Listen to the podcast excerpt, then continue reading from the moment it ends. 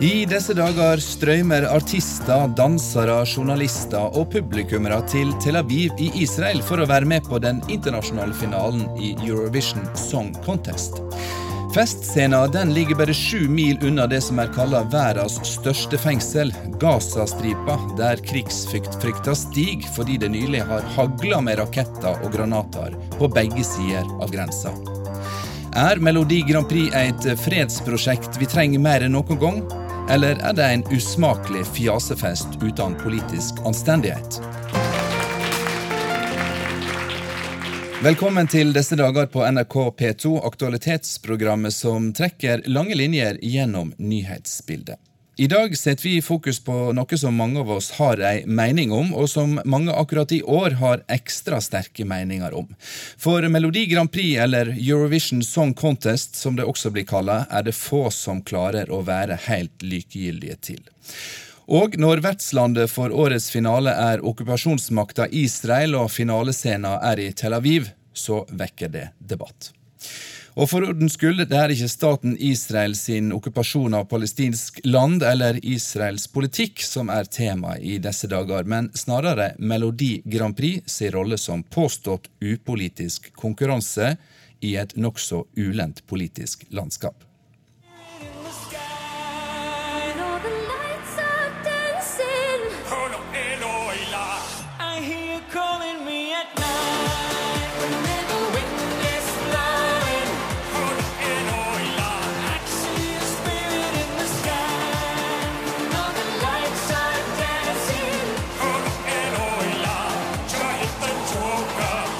Ja, slik høres det norske bidraget ut. Keinos i låt 'Spirit in the Sky' ispedd litt joik, som skal kjempe om finaleplass og siger i Tel Aviv neste helg. Hit til oss på Skatten på Tøyen i Oslo kommer artisten fra Grand Prix-finalen i 1966, programlederen fra den internasjonale finalen i Norge 20 år etter, og den tidligere kulturministeren Åse Kleveland. Det er også hun som har forska på Melodi Grand Prix som politisk arena.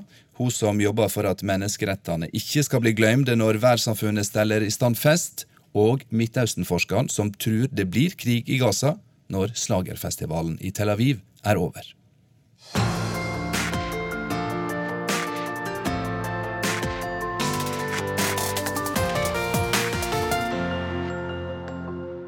Først skal vi i disse dager ta inn to stemningsrapporter fra to ulike byer som ligger bare sju mil fra hverandre.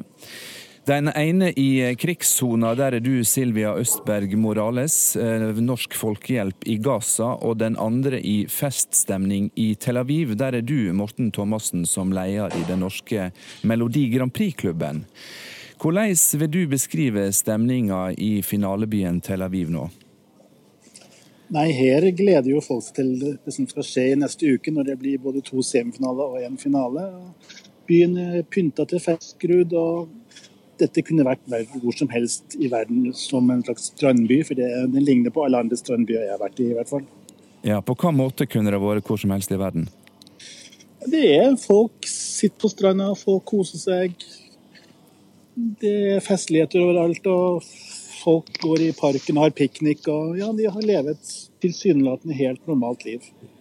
Men Israel er et land i væpna konflikt med palestinerne. Kjenner du noe på at du på mange måter befinner deg i ei krigssone? Mm, egentlig ikke, for det er liksom litt sånn snålt at jeg vet jo at det er liksom så nært til alt annet som skjer. og Det eneste som er forskjellig fra andre plasser, er at skal du inn på et sånn shoppingsenter, så står det en person og sjekker at du har, ikke har noe tvilsomt i bagasjen din. og jeg var på noen arrangement tidligere uke på noen nasjonaldagsfeiring, og da sperret de av gaten, og du må liksom gå gjennom en veldig enkel sikkerhetskontroll for å få slippe inn, men det er liksom ikke noe plagsom tilstedeværelse av veldig mye sikkerhet og sånn som jeg i hvert fall merker.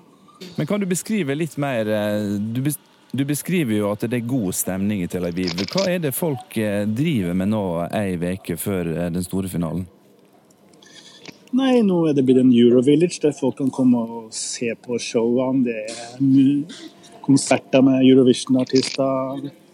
Folk gleder seg over det fine været og går på stranda og koser seg. og Typiske strandbyting, rett og slett. Takk skal du ha så eh, langt, Morten. Eh, vi skal nå ta inn eh, Gaza, for der er du Silvia Østberg Morales. Du er landdirektør for Norsk Folkehjelp i Palestina. Hvordan vil du skildre ståa på Gaza?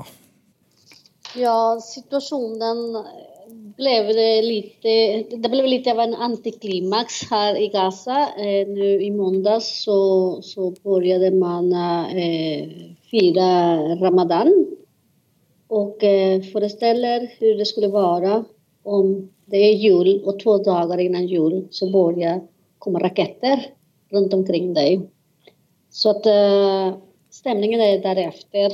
I dag så har det blivit lite mer av det normale. Man ser mye mer folk på gatene. Men det har tatt noen dager innan folk har kommet igjen til noenlunde normalitet. Eh, och detta er av to anledninger. Det første er forstås de intensiva attakkene fra, fra vardera sida og den store redselen som fanns i helgen at et nytt krig skulle bryte ut. Ja, var, det, var det en reell frykt eh, for at det skulle bryte ut en ny krig på Gaza? Ja, det var det. Det var hur, hur, hur kan man bedöma det? Så det första är ju att det fanns inga människor på gatan. Och det, och det, jag har bott här i tre år och det har aldrig hänt. Så att folk höll sig hemma för de var rädda. Och varför var de rädda? Det kom bara, bare fra Gaza så kom det minst en, eh, det skickades minst en rakett var tionde minutt. minst. Men eh, muligens eh, många flera och, eh, under, og det her prater vi om under mindre enn, 20, mindre enn 48 timer. Mm. Og eh, svaret då fra Israel var også veldig intensivt. Hva jeg har lest, var omtrent 200 eh, flygattacker Eh, flera hus blev helt förstörda eller, eller delvis förstörda. Och, och detta eh, hörde man eh, antingen på Twitter eller på, på lokala nyheter.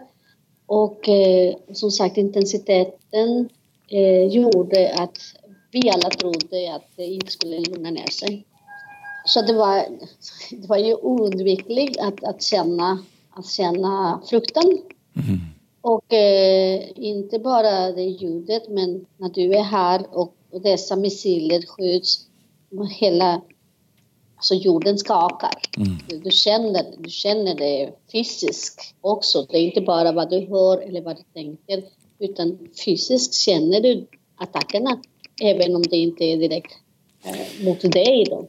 I tillegg til krigsfrykt på Gaza Silvia, så blir det meldt om en humanitær tilstand som er svært alvorlig for sivilbefolkningen. Og det blir snakk om at det kommer til å bli ulevelig på Gaza i løpet av et års tid dersom ikke blokaden eh, som Israel gjennomfører, blir oppheva.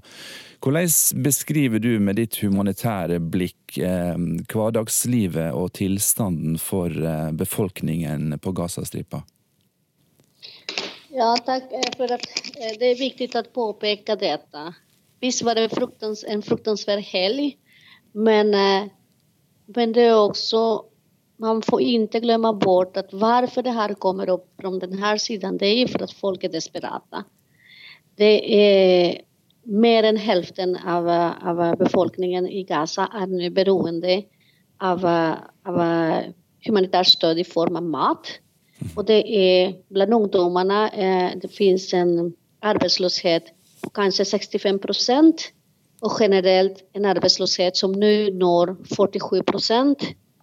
Så att eh, ja, ni kan föreställa er hur, hur desperata människorna är. De, blockaden måste lyftas, för det är ju det enda sättet att det ska bli ett normalare liv här. Nå er det jo eh, litt snodig å tenke på at mellom deg, Silvia, i Gaza og eh, Morten i Tel Aviv, så er det drøyt 70 km i luftlinje, og dere beskriver begge to eh, ei virkelighet som ligger utrolig langt ifra hverandre. Morten i Tel Aviv, er det, er det litt hadde nær sagt rart å høre Silvia beskrive situasjonen sju mil unna deg?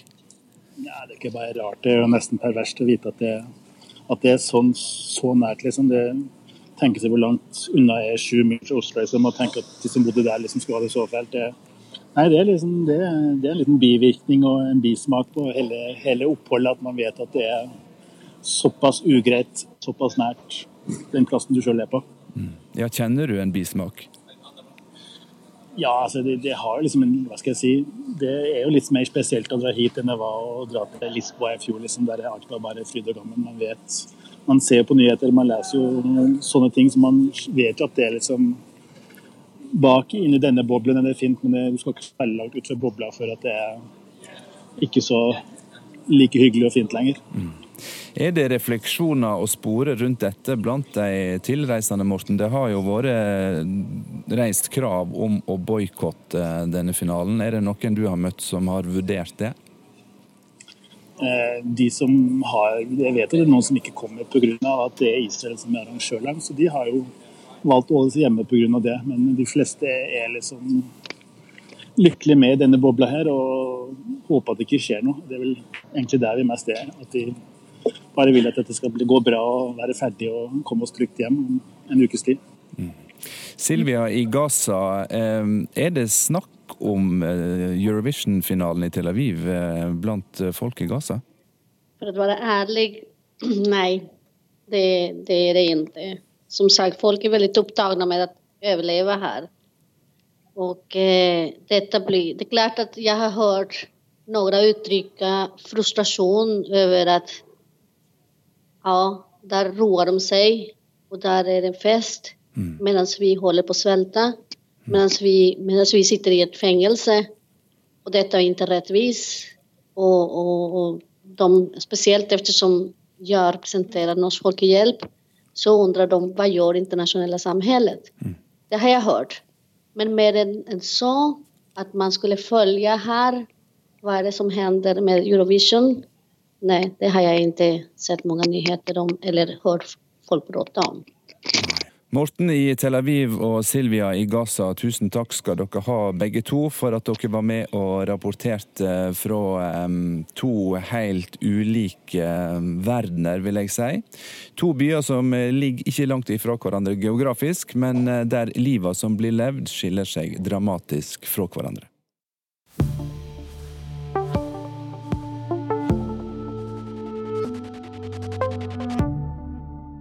Ja, som vi hører, dette er altså virkeligheten som denne slagerfestivalen går føre seg midt oppi. Vi klapper likevel velkommen til Hilde Henriksen Våge. Velkommen eh, til disse dager. Du er altså professor i historie og spesialist på Midtøsten. Kan vi aller først begynne med å snakke om hvorfor er det viktig for Israel å arrangere denne sangkonkurransen i Tel Aviv? Eh, for Israel så er det jo viktig å prøve å få et godt omdømme. Prøve å skape et bedre omdømme, et bedre rykte. Eh, for det er jo ingen tvil om at alle runder med krig, konflikt, okkupasjon gjør jo at mange er skeptiske til Israel, motstandere av Israel, vil boikotte Israel, eh, og har heller ikke lyst til å komme til Israel. Men hvordan kan en uh, finale i Melodi Grand Prix, uh, Eurovision Song Contest, hvordan kan den bidra til å bedre eh, ryktet til Israel? For i mange sine øyne så er jo det nokså frynsete. Ja, det er også veldig avhengig av øynene som ser. Men for Israel så benytter de denne anledningen, som for oss her i Norge er glitter og glamour og fjas og sang og, og, og, og moro til å vise verden Se her. Her er vi i Israel, dette er Tel Aviv, en fantastisk by ved stranda. Og da passer det fryktelig dårlig i det bildet når Hamas for en uke siden sender ut 600 raketter. Det på en måte ødelegger alt. Det ødelegger dette eh, søte, pene, fredelige inntrykket som Israel prøver å selge. Var rakettene fra Hamas eh, et rakettåtak på eh, Eurovision Song Contest, tror du? Det tror jeg ikke. Eh, men jeg tror det er veldig feil å undervurdere aktørene i Midtøsten, det være seg Hamas eller Israel. Jeg tror at de ganske bevisst vet hva de gjør. Og Hamas har jo da nå i en måneds tid, etter forrige runde med raketter, prøvd å forhandle fram en bedring av blokaden i Kairo med Egypt som mellommann. Og det har som vanlig gått dårlig. De har ikke fått til de lettelsene som de ønsker seg eh, for å hjelpe sivilbefolkningen på Gazastripen. Og da skyter man jo raketter fordi man er desperat, fordi man vil ha oppmerksomhet. Mm. Ja, La oss ta en liten runde på status. for I tillegg til at det har vært forhandlinger i Egypt, så er det ikke så lenge siden Israel eh, kasta ut den internasjonale observatørstyrken i Hebron. Um, ja. Eller i alle fall ba de om Leder av Norge. leder lede av Norge, uh, som måtte pakke sakene sine og reise. Samtidig som en altså på den ene sida kaster ut øyevitnet, og på den andre sida inviterer inn publikum til musikkfest i stedet. Og så har det vært valg i Israel nylig. Benjamin Netanyahu ble gjenvalgt. Blir den lengstsittende statsministeren i Israel. Um, og mange beskriver en hardere politikk fra hans side. Mm -hmm. I tillegg til det jeg nå har sagt, hva er på en måte den politiske konteksten som denne musikkfesten foregår i? Eh, altså, Det som er viktig akkurat nå for denne, eh, denne, sammenhengen, det er jo at situasjonen på Gaza er uløst. Og eh, Israel de må jo hele tiden forholde seg til, til det. Men Israel har jo heller ikke noe lyst til å gå inn med bakkestyrker. Hamas har heller ikke noe lyst til at Israel skal komme inn med bakkestykker. Derfor så har jo eh, Hamas og eh, innbyggerne på Gazastripa nå i ett år marsjert opp mot grensa til Israel i det de kaller eh, The March of Return. For å markere at eh, samme hva vi gjør, så er det ingen som ser oss, det er ingen som hører på oss. Eh, og det har heller ikke hjulpet. Og da tror jeg at eh, disse 600 rakettene kanskje er kalkulert på et tidspunkt hvor de vet at Israel ikke vil gå inn på Gazastripa. Tror du det går mot en ny krig i Gaza? Eh, jeg tror at med ujevne mellomrom så blir det en ny krig på Gazastripa. Eh, poenget er at Hamas må hele tiden vurdere hvor mange sivile tap er de villige til å ta. Eh, nå er det drept mye over 200 det siste året. Og selvfølgelig, idet bakkeinvasjonen kommer, da øker de sivile tapene voldsomt. Og Israel er veldig vare på og ønsker ikke israelske sivile tap. Det var den politiske analysen. Vi skal eh, drøfte litt eh, staden denne festivalen foregår på.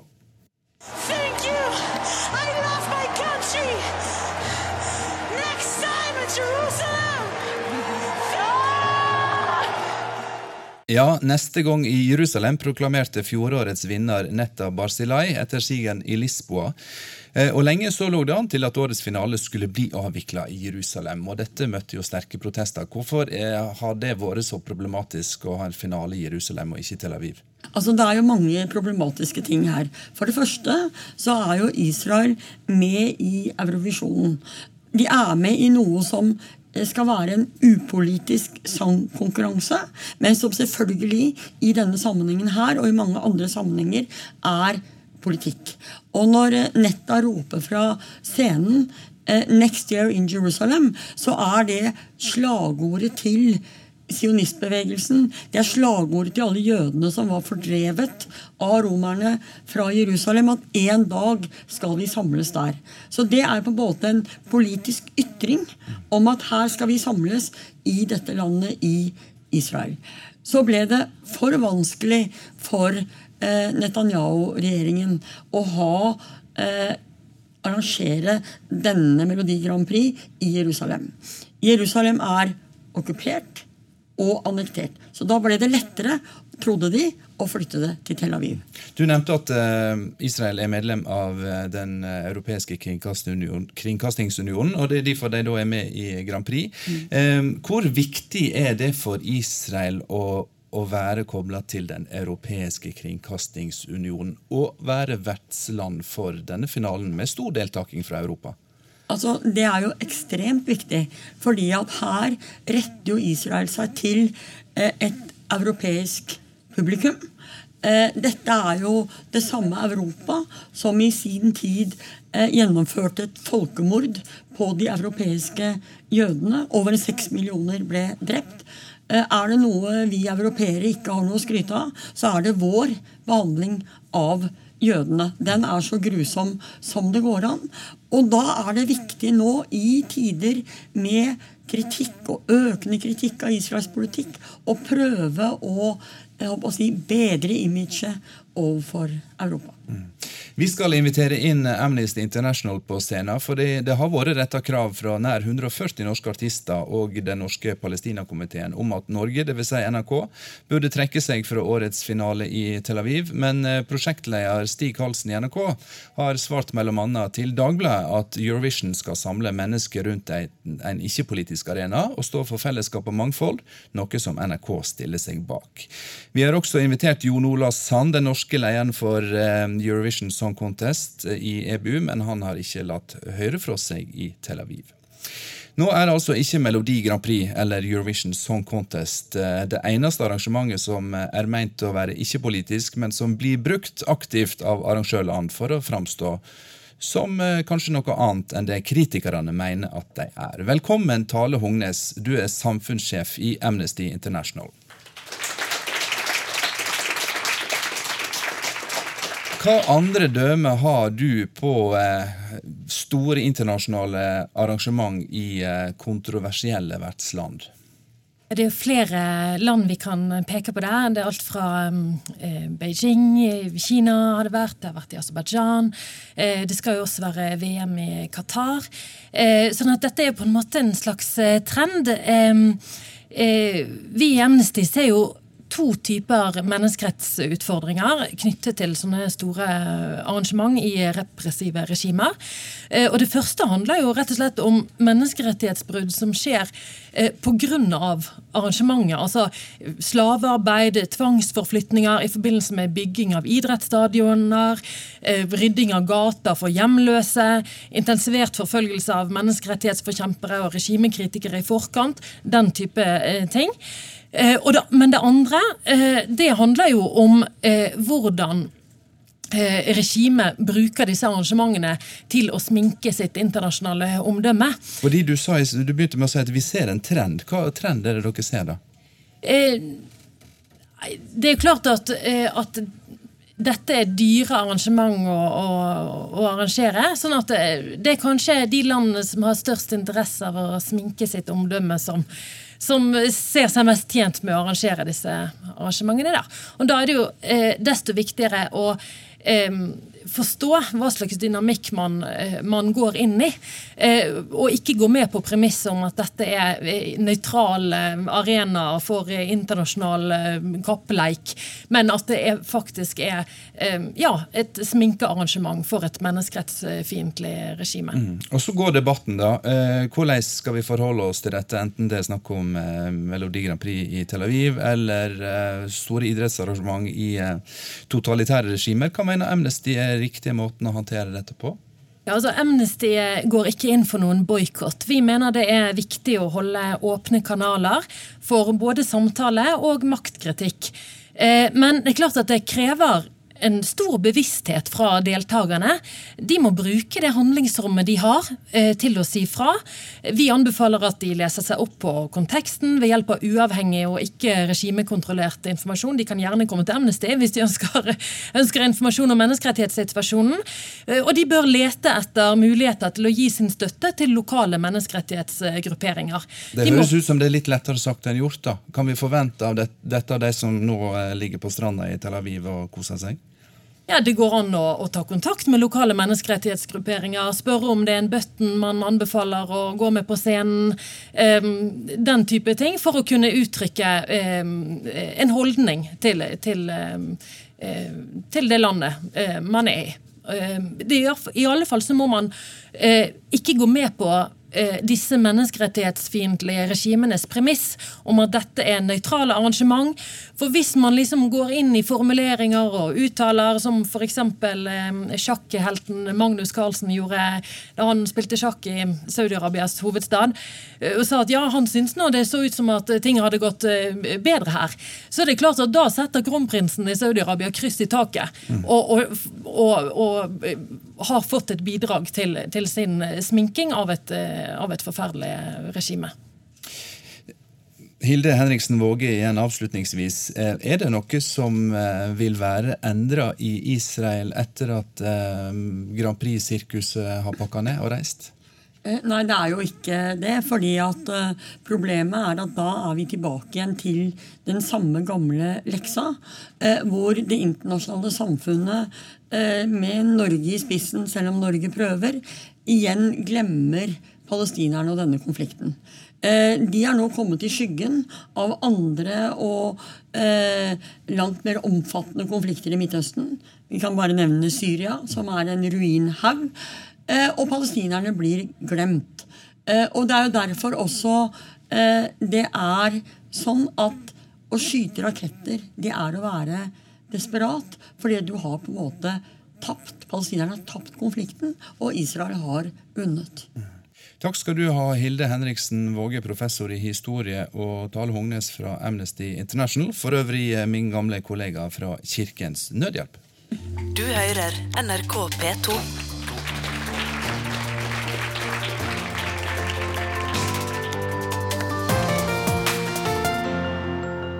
Du hører på disse dager ja, i NRK P2, og vi tar for oss eh, årets omstridte Eurovision-finale i Tel Aviv, sju mil unna ei Gaza-stripe i krigsfrykt. Snart eh, kommer Åse Kleveland på scenen for å se tilbake på hva betydning eh, Melodi Grand Prix har eh, hatt gjennom tidene. Nå spør vi om denne konkurransen er så lite politisk som den vil framstå som. For Melodi Grand Prix, som vi kjenner det som, var det nemlig en nobel tanke bak da Den europeiske kringkastingsunionen, EBU, starta sangkonkurransen i 1956 et tiår etter andre verdenskrigen. Det skulle være en vennskapelig konkurranse om sang og musikk som skulle bygge og styrke fredelige band i kaldkrigs-Europa.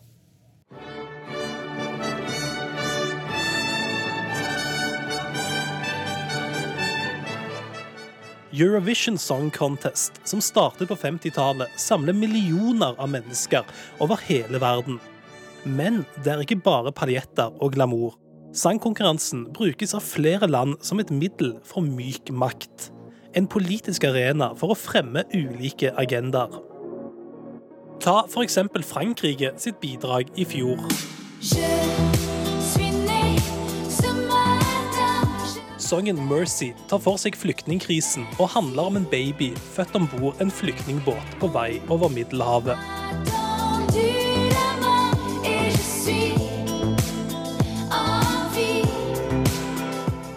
Og dette er ikke noe nytt. Lebanon trakk seg i protest i 2005 pga. en lov som forbyr libanesiske TV-stasjoner i å vise israelske Melodi Grand Prix-bidrag og annet israelsk innhold. Georgia ble diskvalifisert fra Moskva-finalen i 2009 for deres diskolåt We Don't Wanna Put In, eller Putin om du vil, etter at EBU, European Broadcast Union, avgjorde at teksten var for politisk. We don't wanna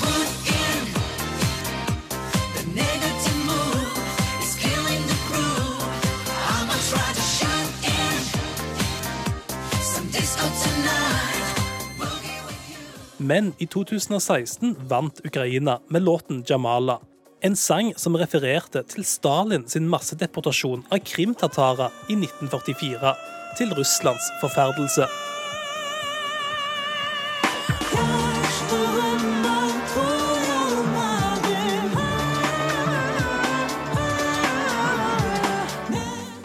I 2012 boikotta Tyrkia sirkuset pga. Av avstemningsreglene og den automatiske kvalifiseringen av de fem store. England, Frankrike, Tyskland, Spania og Italia. Fordi de bidrar mest økonomisk til EBU. Så hvem er stemmene? And we're now calling Norway. Good evening, Oslo. En kombinasjon av telefonstemmer og en fagjury avgjør vinneren. And 12 points to Norway.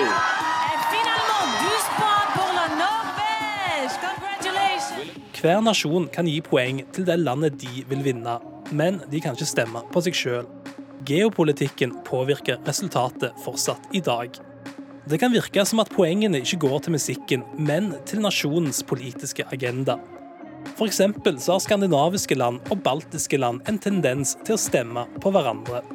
Finally, 12 points goes to Heia Sverige! Neighbor Sweden! Oh, your neighbor Sweden. Ah. For our neighboring country, Norway, ah. 12 points. Et 12 points pour la Norvège. Noe som reiser spørsmålet om Eurovision Song Contest handler om musikk eller om geopolitikk. Ja, politikk mellom paljetter og paukeslag er tema når vi nå går videre i disse dager. Velkommen på scenen, Hilde Arnsen. Medieviter som har forska på Eurovision Song Contest som politisk arena, og Inge Solmo. Sjølerklært sykelig opptatt, sier han, av Melodi Grand Prix og forfatter og av ei bok om samme tema. Jeg begynner med deg, Solmo. Hva er de største kontroversene, i tillegg til de vi nå har hørt, de største kontroversene i Melodi Grand Prix-sirkuset de siste ti åra? Og De siste ti årene så er det jo selvfølgelig mye av det vi har vært inne på. Det er bl.a. Israel i år, men så har du selvfølgelig Russland, Ukraina. Men så kan vi gå enda lenger tilbake, så har du Franco-regimet på 60-tallet, som har store kontroverser med det også. Så det er ikke noe nytt. Eh, Portugal kom jo med i 64, og da var det faktisk eh, plakater og demonstranter inne på arenaen i Tivoli i København for eh, Salazar, mot Salazar-regimet og Franco-regimet. Storpolitikk, altså? Det er storpolitikk, så det er ikke noe nytt påkomment, dette her. Vi skal eh, komme tilbake til detaljene, for du er full av deg. Eh, jeg har omtalt deg som et vandrende leksikon på dette, og så skal du få anledning til å bevise det. Eh, vi sier igjen velkommen til Hilde Hansen. Du er altså medieviter og har forska på Grand Prix eller Eurovision Song Contest som politisk arena. Kan du beskrive dette som politisk arena? Eurovision Song Contest er en mediehendelse, en internasjonal mediehendelse, der kringkastingsselskapene som arrangerer, de bruker den eh, muligheten til å vise seg fram fra sin beste side. Men hva er politikken i dette?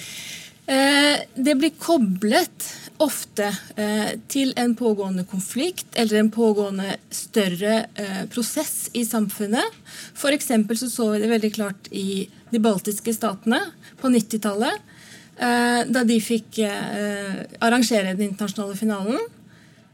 De var i en prosess mot eventuelt å søke medlemskap i EU. og Derfor ble det viktig for dem å presentere ikke bare landet fra, side, fra, sin beste side, men å presentere dem som en naturlig del av det europeiske fellesskapet.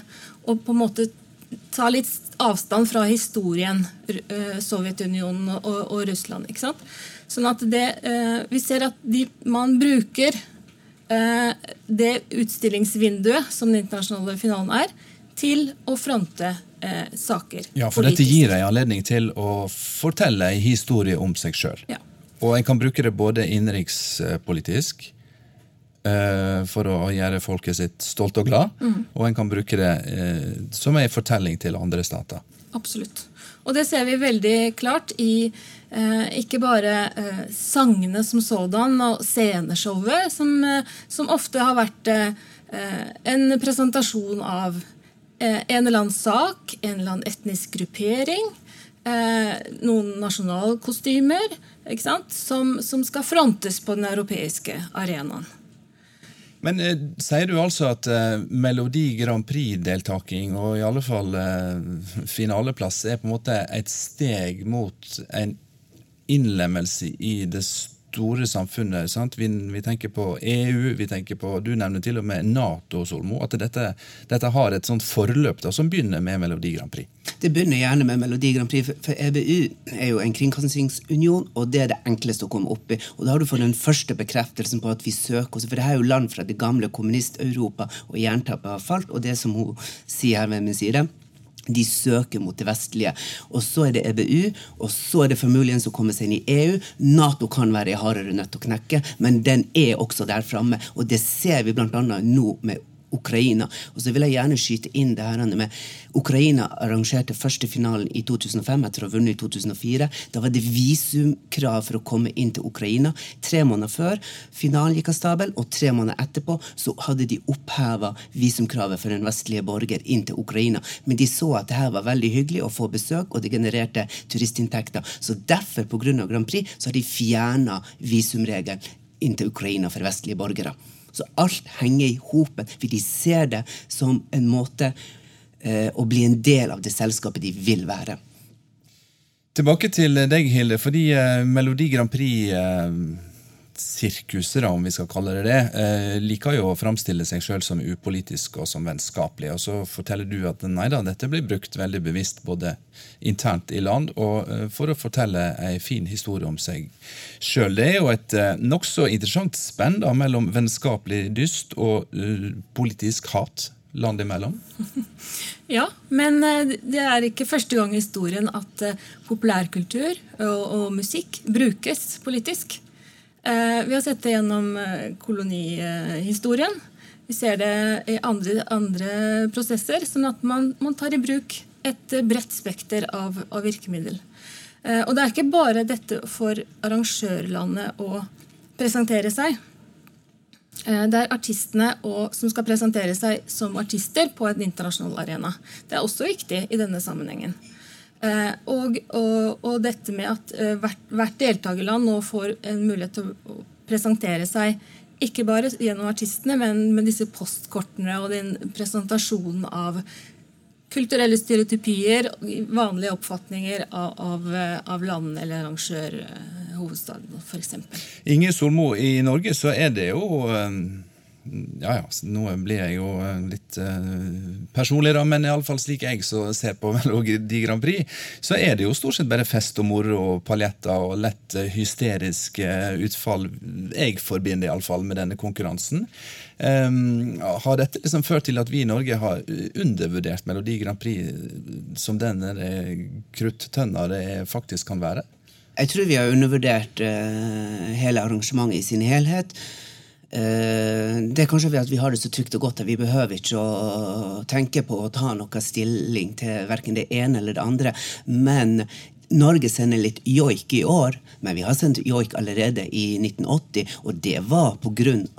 Alta-utbygningene i eh, den tida på slutten av 70-tallet. Og eh, altså, Det har vært faktisk politikk fra Norge også. Så kan man jo si at Brandenburger Tor i 1990 med Kjetil Stokkan var en uskyldig låt, men det er jo faktisk en politisk sang. Men det var et veldig politisk budskap som er veldig enkel og lett å samle seg om. fordi det er jo hyggelig at Berlinmuren falt og jernteppet falt. Og i 1990-finalen som det her foregikk, så sang Norge Brandenburg Tor. Østerrike som er nøytral mente plutselig noe og sang Keine Maurmer, Ingen murmer. Og tyskerne sang Freud zu leben, de var fri til å leve. Og så kom jo Irland med sin 'Somewhere in Europe', som hylla Europa. Eh, også, og Italia vant med 'Insieme' 1992, altså sammen i 1992. Det var jo òg en hyllest til Europa, pluss at finalen gikk i Zagreb. Det var det siste store internasjonale arrangementet som et samla Jugoslavia arrangerte, før det eksploderte der nede. Og så kom jo Bosnia-Hercegovina tilbake i 1993 med eh, Svabol Svita, hele verdens smerte de synger om. og de de måtte jo smugles ut under artilleribeskytning fra Sarajevo. Og det var så vidt de fikk poengene fra Sarajevo, for da lå de i en bunkers og ringte opp på telefonlinje for å få avgi poengene til Mill Street i Irland, hvor finalen gikk. Og de måtte også garantere at de reiste tilbake, sånn at ikke de fastna fast i Irland og ble flyktninger der. Så så når man ser det her i ettertid, altså det er så mye politikk, og det betyr så mye for mange. Og for Bosnia, spesielt rett etter krigen, så var det for å få et, et, et pusterom fra krigens grusomheter. Det var en tirade om uh, politikkens plass i Melodi Grand Prix. når vi hører på denne lange lista her, um, og så heter det jo Eurovision Song Contest, og det er ikke bare Europa som er med, men jeg tenker på den polariseringa som vi ser i Europa i dag. Um, hvordan blir Melodi Grand Prix brukt eh, i stater imellom i Europa i dag, slik du har eh, sett på det? For eh, en del år siden var det jo stor kritikk eh, da eh, østlige stater kom inn. Eh, da var det stor kritikk i Eurovision-verden. Nå kommer det en annen sangstil inn i vår europeiske trygge tradisjon. Og de bryter med dette, dette den, den, samlende rollen som Eurovision var blitt sagt å ha. Så ser vi da at, at kanskje det som er definisjonen av Europa, den brytes litt opp, fragmenteres. Og ulike lands sangstiler, ulike musikktradisjoner, kan få vise seg. Og man kan bli kjent med ulike uh, deler av Europa og det europeiske, det utvida europeiske fellesskapet. For det er jo mange ikke-europeiske stater som er med nå. Mm. Og, og, til og med Australia har jo deltatt. ikke sant? Ja, og så er det jo òg slik at det er jo ikke første gang at Israel skaper kontroverser i Melodi Grand Prix, nettopp fordi at eh, det er jo veldig mange land som er med i, i Grand Prix, eh, land i Nord-Afrika. Ja, for det er jo Eurovisjon, så det er om å være medlem i Eurovisjon i Kringkastingsunionen. og Blant annet Marokko har deltatt en gang i 1980. Tunisia ville delta i 1977, men de trakk seg fordi at Israel var med. Libanon, som vi hørte her tidligere, de eh, nekta å vise Israel, og dermed trakk de seg. Så det er ganske betent mye av det her. Tyrkia har også skulle være med i 1979. Da gikk finalen i Jerusalem, og det var faktisk også litt kontroverser, men da var det, de hadde allerede plukka låt og var på alerten til å reise, men da ble det så kraftig kritikk fra de arabiske statene for å ikke å bli uvenner. Handelspolitisk med de arabiske statene så trakk de seg fra hele finalen, for de ville ikke menge seg med den. Og så var jo faktisk en jødisk representant, tyrkisk jødisk representant, som var siste deltaker for Tyrkia i 2012. Og i Jordan så gikk de rett og slett eh, i svart et år da Israel vant? Ja, det var i 1978, Abanibi, fordi kringkasta finalen fra, eh, fra Paris og Israel vinner. vinne. men når det lå an til at Israel ble å vinne, så gikk de ut av sendinga og i svart. Og så kom de tilbake når alt var over, og så proklamerte de andreplassen Belgia som vinner. Det er redigerte lister, rett og slett? De redigerte lister. Så, så, det er ulike sannheter uansett på hvilken side. Og det er jo som Våge sier her, det er med hvilke øyne man ser på hva som er en sannhet. Vi skal uh, følge med, tror jeg. Eh, tusen takk, Hilde Arnsen, medieviter som har forska på Grand Prix, og Inge Solmo, som mellom annet har skrevet bok om Grand Prix. Du hører NRK P2.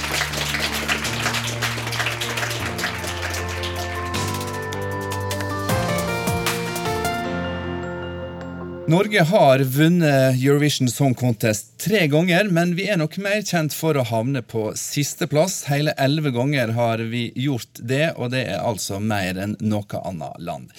Dama som nå er på scenen, hun kom ikke på sisteplass, men på tredjeplass eh, med denne låta.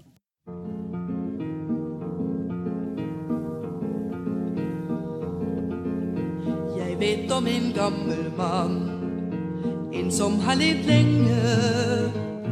Jeg vet om en gammel mann, en som har levd lenge.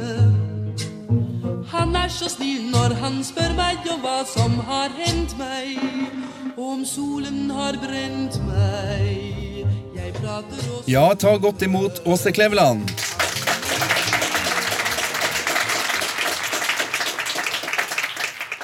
De med ekstra skarpe øyre, eventuelt godt minne, skjønte jo at dette var eh, deg som framførte 'Intet er nytt under solen' eh, fra finalen i 1966. Nå sitter vi her, Åse Kleveland, eh, mer enn 50 år seinere. Nå skal vi snakke litt eh, tilbakeskuende, men aller først så lurer jeg på, tror du at folk vil snakke om Eurovision Song Contest om 50 nye år? Det skulle ikke forundre meg. Nei.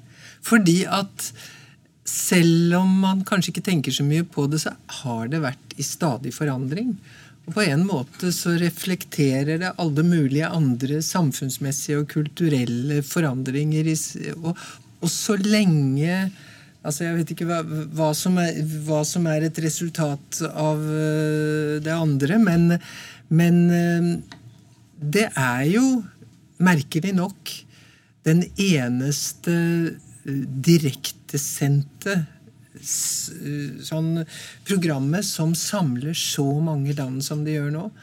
Og det har jo Gud vet hvor det skal slutte hen, hvor mange land det skal ende opp med. I Luxembourg, da jeg var med da i 66, da var det altså 18 land som var med totalt. Og nå er det vel 41 som er med i år. Eh, så det baler på seg, og mangfoldet blir hele tiden veldig mye større. Du har hatt på deg mange hatter opp gjennom karrieren, Åse Kleveland, og nå eh, i dag skal vi hente fram noen av dem. Vi skal først eh, ta på deg Melodi Grand Prix-hatten, fordi du har vært både artist og programleder for den internasjonale finalen.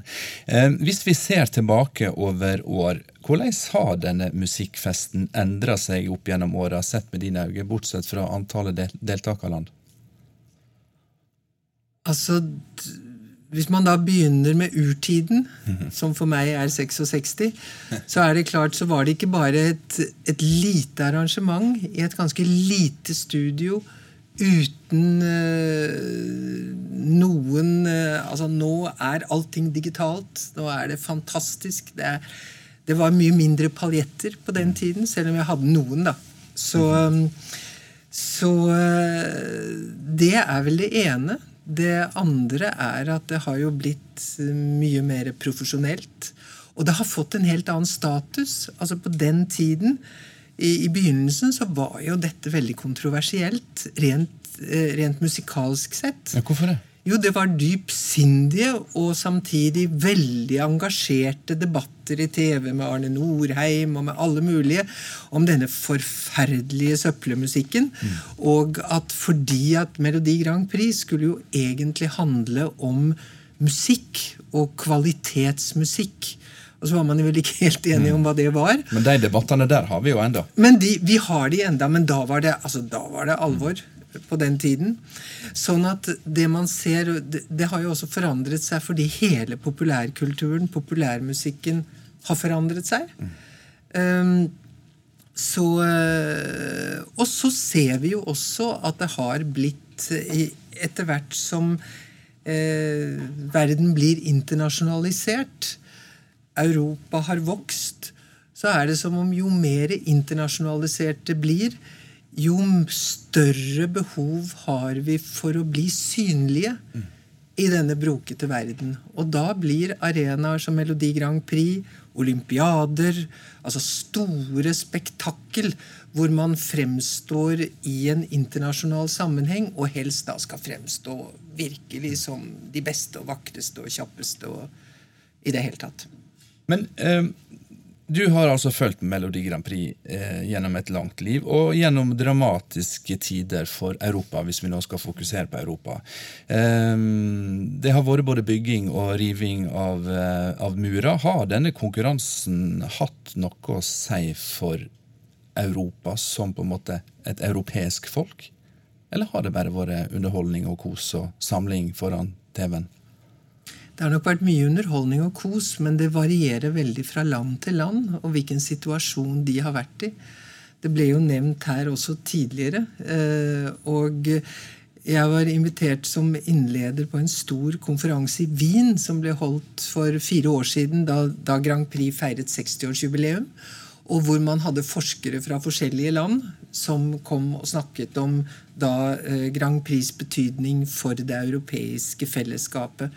Og det var utrolig sterkt å, og høre både da eh, Enten de var professorer eller det var artister. Eh, politikere som ikke minst her det ble nevnt Sarajevo, Bosnia. Altså Hvor folk satt med tårer i øynene og fortalte om det, den første gangen de fikk lov å være med i Grand Prix. Det var så stort. Altså det, det, var, det, det, var, først da man på et sånt folkelig plan oppfattet at nå, nå går vi over i en annen tid. Og nå er vi en del av Europa. Og det, øh, og det er det man ser med Baltikum. Altså, jeg tror opplevelsen av dette varierer veldig i forhold til fortiden. Øh, fordi det er likevel sånn at vi lever ganske stabilt og har hatt det ganske greit og ikke lengtet så mye ut som en del andre land har gjort det. Vi skal ta på deg en annen uh, hatt. Um, vi skal ta på deg uh, den hatten der det står kultursjef Lillehammer-OL uh, på. Um, gjennom den rolla du hadde der, så vet jo du en del om et lands både vilje og evne til å bruke relativt mye penger på å ta seg pent ut når alle ser på. Ja, jeg var da Jeg rakk ikke å bli kultursjef før jeg ble OL-minister. Så derfor så var det i den, eh, i den relasjonen jeg deltok. Men, eh, men eh, det, det, er jo noen ting som gjelder alle. Det er ingen som tar på seg et sånt gigaarrangement og så store kostnader uten at man tror det skal ha en funksjon. Og den funksjonen skal da være både nasjonal, men ikke minst Det er nok en gang dette som da vi hadde internasjonal Grand Prix-finale i Bergen vi skulle, vi skulle, sette Norge på kartet. Mm. Det har vært veldig viktig. Og det gjelder også OL. Det gjelder også OL. Nå har vi faktisk eh, fått en eh, kar fra publikum som vil stille et spørsmål. Hei, min navn er Stefan. Eh, jeg bare lurer på, Hadde du deltatt som artist i år? I Tel Aviv? Det er en sånn, uh, et sånt hypotetisk spørsmål at det er jammen ikke lett å, å uh, vite. Um, jeg, hvis jeg skulle svare sånn i forhold til rent politisk om jeg hadde vært med Det var nok veldig små sjanser for at jeg i dag ville vært med, selv om jeg var uh, veldig mange flere år yngre. Men uh, jeg, jeg, klarer liksom ikke helt å forestille meg det. Uh, Kanskje jeg kan eh, reformulere eller prøve å reformulere spørsmålet, Åse Kleveland. Fordi ja. du var jo også styreleder i Human-Etisk Forbund. Ja. Eh, da det var krig på Gaza i 2009. En, en heftig krig på drøye tre uker. Mm. Da tok du Human-Etisk Forbund ut i demonstrasjonstog. Mm. Fordi du mente at det burde du og Human-Etisk Forbund gjøre. Og Nå er det jo nye spente situasjoner på den samme Gazastripa. Men hva tenker du om en sånn eh, definert upolitisk skal være upolitisk, men så blir det høypolitisk likevel da når finalen går i Tel Aviv? Hva tenker du om bruken av eh, sin, sin, makt og sin artistposisjon eh, i sånne arrangement? Altså, Jeg syns absolutt uh, at det er noe man skal bruke, men det spørs litt hvordan. Én ting er å gå ut og protestere uh, sånn som, snakket, som, vi gjorde i Human-Etisk Forbund, og som, og som, jeg har vært ute og gjort i alle mulige andre sammenhenger. I denne sammenhengen her så syns jeg, i den situasjonen som man er akkurat nå, så uh, er det et dilemma med det at som ble nevnt her, at det er en stor taushet omkring det som skjer i, eh, på Gaza, eller også i de palestinske områdene. Og at eh, kult, kulturboikott det er ikke alltid like effektivt, spør du meg. Jeg syns ofte at det er viktigere er å få en samtale om det og ha, en, og ha åpne linjer. Um, så Og det syns jeg man ser nå i disse dager. altså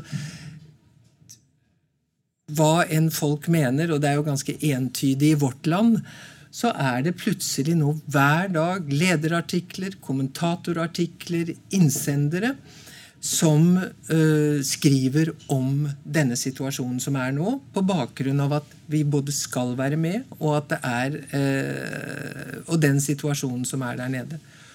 Og sånn at uh, hvis vi ikke hadde vært med, så er jeg veldig usikker på egentlig hva slags effekt det ville hatt. Derimot hele den protesten som kom i forkant, som gjorde at den skamfulle måten man først hadde plassert eh, sendingen i Jerusalem på, at den fikk en veldig viktig effekt, det er én sak. Siste hatten på nå. Du har vært kulturminister i mange år. Eh, mm. Tenker du at eh, artister og kulturarbeidere burde bruke stemmen sin også til å ytre seg politisk i større grad? Ja, det syns jeg absolutt. Og det, jeg har jo nå en sånn ekstraomgang som artist igjen. Og bruker en del av min tid til å gjøre konserter hvor jeg stort sett synger politiske låter fra 60- og 70-tallet. Eh, og det er veldig spennende å se hva slags eh, respons man får, og at det ønskes velkommen. Men jeg tror at akkurat nå er vi bare i starten på en ny periode for politisk musikk. Og det, har, det, er da på et bredt felt, fra det som angår miljø og hele den store framtiden, eh, til eh, ja, at, at, at, dette er på gang igjen. Og det hilser jeg veldig velkommen. Og da kan du i stedet for å synge 'Intet er nytt under solen', så kan du da synge 'Mye er nytt under solen', også Kleveland. Absolutt. Tusen takk ja. for at du kom hit og var med oss i disse dager.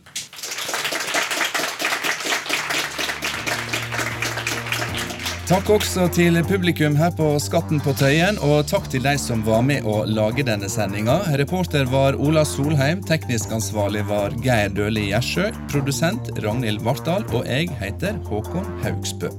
Vi blir som vanlig glad for en e-post til disse dager krøllalfa nrk.no, og vi blir enda mer glad hvis du møter opp som publikum. Du finner invitasjonen på Facebook. Tusen takk for følget.